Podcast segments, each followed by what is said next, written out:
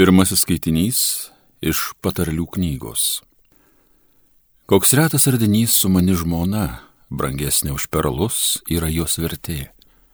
Savo širdį jie patikė jos vyras ir turi tikrą lobį. Ji gerumu atsilygina, o ne piktumu, per visas savo gyvenimo dienas. Ji pasirūpina Vilnų bei Linų ir pluša įgudusiomis rankomis Ji ima į rankas ratelį, o jos pirštai stveriasi verpstis. Ji dosniai duoda vargšui ir ištiesia ranką elgetai. Žavumas apgaulingas, o grožis rūkas. Moteris turi būti geriama už jos pagarbę viešpaties baimę. Duokite jai atlygį už jos triūsą. Te aidi miesto vartai, jos darbų gyriumi. Tai Dievo žodis.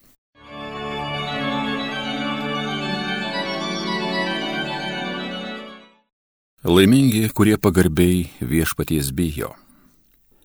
Laimingas, kuris pagarbiai viešpaties bijo ir laikosi jo kelio, savo triūso vaisiais maitinsies, laimę ir sėkmę patirsi.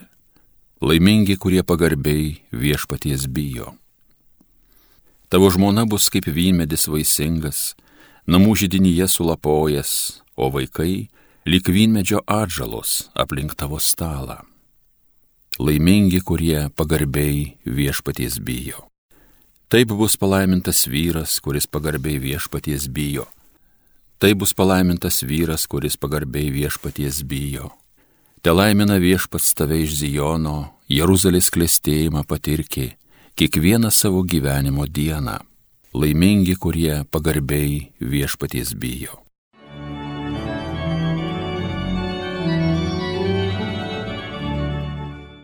Antrasis skaitinys iš Šventojo Paštalo Pauliaus pirmojo laiško tesalonikiečiams. Dėl laiko ir valandos, broliai ir seserys, nėra reikalo jums rašyti. Jūs patys gerai žinote, kad viešpaties diena užklups lyg vagis naktį. Kai žmonės kalbės, gyvename ramiai ir saugiai, tada juos ir ištiks netikėtas žlugimas, tarytum gimdymo skausmai neiščia moterį, ir ji niekur nepabėgs. Betgi jūs, broliai ir seserys, neskendite tamsoje, kad toji diena jūs užkluptų lyg vagis. Juk jūs visi esate šviesos vaikai, dienos vaikai. Mes nepriklausome nakčiai, nei tamsai. Todėl nemiegokime kaip kiti, bet būdėkime ir būkime blaivūs. Tai Dievo žodis.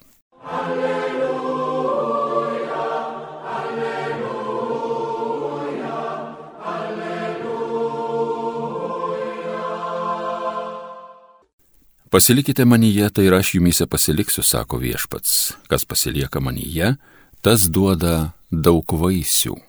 Alleluja, alleluja, alleluja.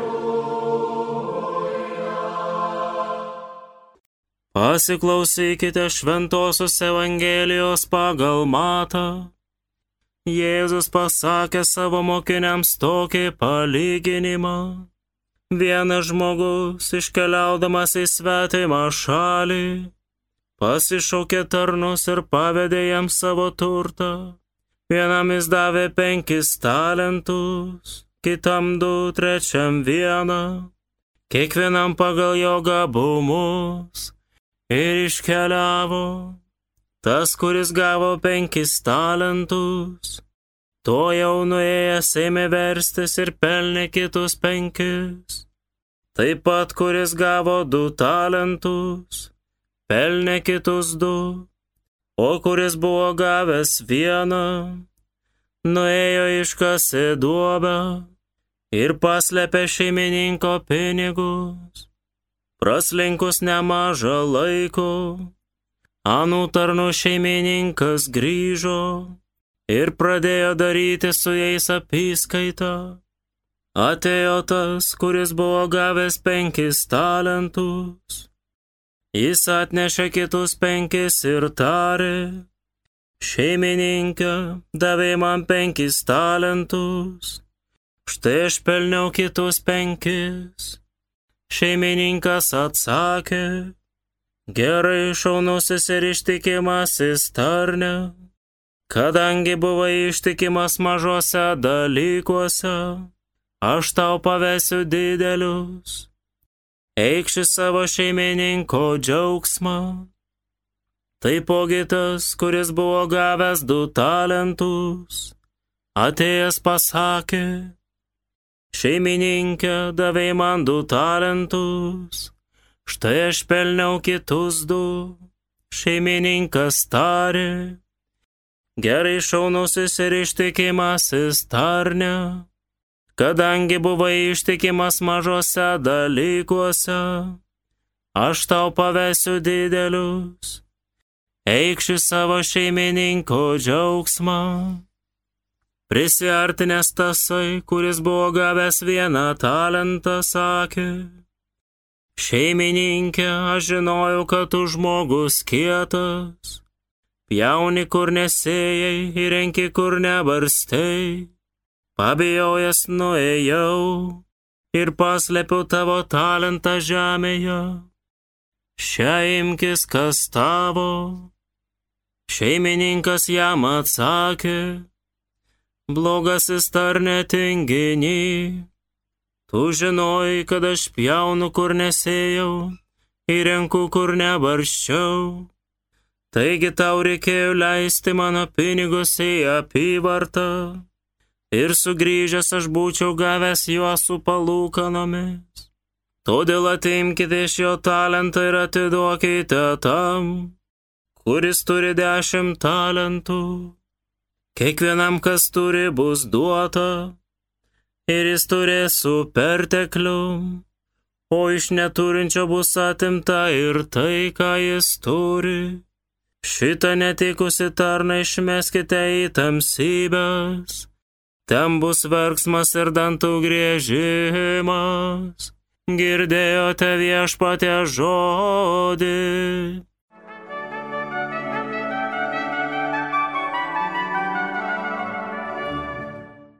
Mėly Marijos radio klausytojai, visi gerai suprantame, kad šiandien tas pasakojamas Jėzaus palyginimas apie talentus skatina mus visus susimastyti, ką mes užsitarnaujame amžinybei, kaip naudojamės Dievo duotais gabumais, jo malonėmis. Ir šventasis apaštalas Paulius primena, kad toji atsiskaitimo diena mūsų užklups netikėtai, lik vagis naktį. Todėl ragina, ragina būdėti ir stengtis. Dievas mus apdovanojo ne tik visokiomis šventomis malonėmis, bet ir talentais. Esu išleidęs jaunimui skirtą knygą Tu genijus. Toje knygoje įrodinėjau, kad kiekvienas žmogus yra genijus, kad kiekvienas žmogus gali labai daug pasiekti. Garsusis pasaulio kibernetikas Noimanas tvirtina, kad per visą gyvenimą žmogus te panaudoja tik 5 procentus savo smegenų. Jei panaudotų daugiau, savo pasiekimais pralenktų visą pasaulį labai trūkštų, labai, kad mūsų jaunimas tai suprastų ir stebintų pasaulį. Todėl kai ką iš minėtos knygutės papasakosiu. Be to ją galima rasti ir internete.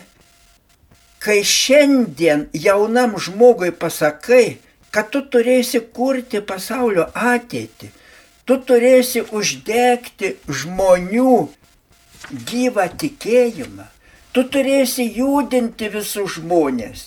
Daugelis tada teisinasi. Bet aš vidutinybė, aš tikrai nieko nepasieksiu. Netiesa, netiesa brangusis. Žmogus vienas iš tobuliausių Dievo kūrinių. Reikia pasakyti, kad žemėje nėra negabių žmonių. Yra tik nesuradusių savo vietos gyvenime nepasistengusio ją rasti. Kartais kiti žmonės padeda save surasti. Štai Tomas Edisonas pradėjo lankyti mokyklą. Mokytojai pasakė jo motinai, jis visiškai negabus, niekas jo negalės išmokyti net skaityti. Giliai tikinti motina nepasidavė. Sakė savo, negali tai būti. Dievas kiekvienam žmogui duoda talentus. Ji meldėsi ir pati mokė, mokė, mokė. Kągi, pasaulis neturi genialesnio mokslininko už Edisoną. Ne vienas nepasižymi tokią gausybę išradimų. Jam priklauso virš tūkstančio išradimų. Tai nulėmė ne vien motinos, bet ir jo paties tvirtumas. Pavyzdžiui, jis bandė surasti švino pakaitalą, kuris labai reikalingas mokslui. Padarė 20 tūkstančių nesėkmingų bandymų. Vienas žurnalistas nusistebėjo, Dieve mano, kiek dirbta veltui. Edisonas atkirto. Veltui? Aš atradau 20 tūkstančių atvejų, kurie neduoda rezultatų ieškant švino pakaitalo. Kitiems nebereikės kartuoti tų bandymų.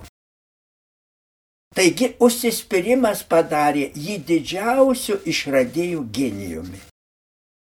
Giuseppe Verdi italų kompozitorius, garsiosios traviatos kuriejas.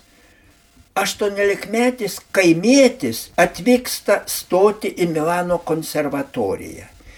Dėstytojai nutarė, kad jis neturi klausos nei muzikinės atminties. Giuseppe tuo nepatikėjo. Atkakliai mokėsi pats ir tapo pasaulinio garso kompozitoriumi.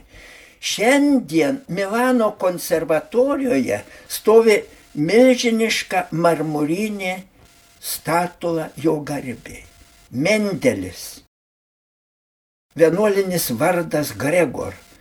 Du kartus neišlaikė egzaminų. Prašė Dievo pagalbos, meldėsi, tapo Augustijonų vienuoliu Neįprastas atkaklumas padarė į vienu garsiausių pasaulio genetikų, nustačiusių paveldėjimo dėsnius. Van Gogas mokykloje neprimtas į piešimo pamokas, nes manyta, kad neįmanoma jo išmokyti piešti. Bet jis tapo žymiausių pasaulio ekspresionizmo menininku. Ravelis nebuvo primtas mokytis muzikos. Jis lavinosi pats. Turime vieną garsiausių pasaulio kompozitorių. Garsiai Leonardas da Vinci, Einšteinas, Pasteras, Balzakas buvo laikomi negabiais. Bet jie buvo neapsakomai darbštus. Šiandien juos žino visas pasaulis. Čechovas laikytas netinkamu jokiam mokslui. Iš rusų kalbos ir literatūros te gaudavo dviejatus. Niekam į galvą netėjo, kad jis vėliau jau būdamas gydytoju taps rusų literatūros klasiku, genialiuoju kuriejų. Ernestas mėgo rašyti rašinėlius, labai menkus, labai skurdžius, mokytojai jam pasakė, Ernestai, užmiršk rašymą. Tau labai prastai sekasi, bet jis vis rašė, dirbo dieną naktį. Turime garsų į Nobelio premijos laureatą Ernestą Hemingvėjų. Mus visus žavi Flobero talentas. Jis tiek dirbo, kad jo lango šviesa jūreiviams naktimis tapo švitoriu. Sakoma, kad Goethe, literatūros genijus, per visą gyvenimą te turėjęs tik keturias savaitės be darbo ir be rūpeščių. Žinome, visi žinome Levo Tolstojaus keturių tomų romaną Karas ir taika. Jei reikėtų kam nors tą knygą perrašyti ranka, sakytume išprotėjimas, tai neįmanoma. Bet Tolstojus visą tą knygą perrašė ranka septynis kartus, kai kuriuos skyrius net trisdešimt kartų. Ar tai nesugėdins brangiai tų, kurie daug laiko praleidžia veltui. Jeigu genijui reikalingas darbas, tai ką be kalbėti apie mus eilinius žmonės. Brangieji, kaip nepaprastai svarbus darbštumas, pasiryžimas, o tokio tvirtumo mūsų labiausia moko Dievas. Juk Dievas liepia labai atkakliai, tvirtai laikytis tikėjimu. Niekada nepasiduoti nuodėmiai, o pasidavus pasinaudoti gailestingumo sakramentų ir taisytis. Kiek nuostabiausių genijų yra gilaus tikėjimo žmonių, stebinančių pasaulį. Juk bažnyčios mokytojais labai daugelis pripažįsta. Šią savaitę šventėme Švento Alberto didžiojo šventę.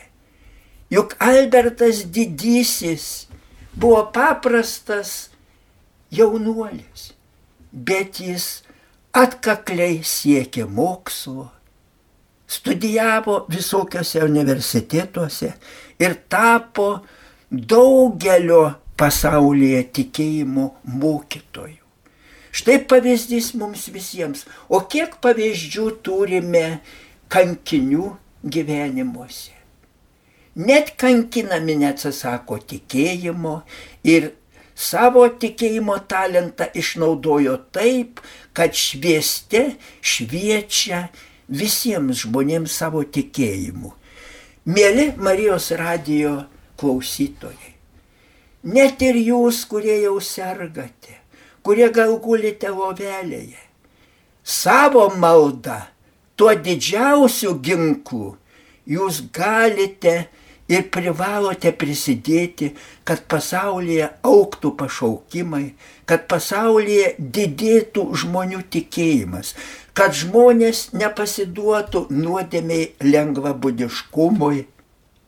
Amen.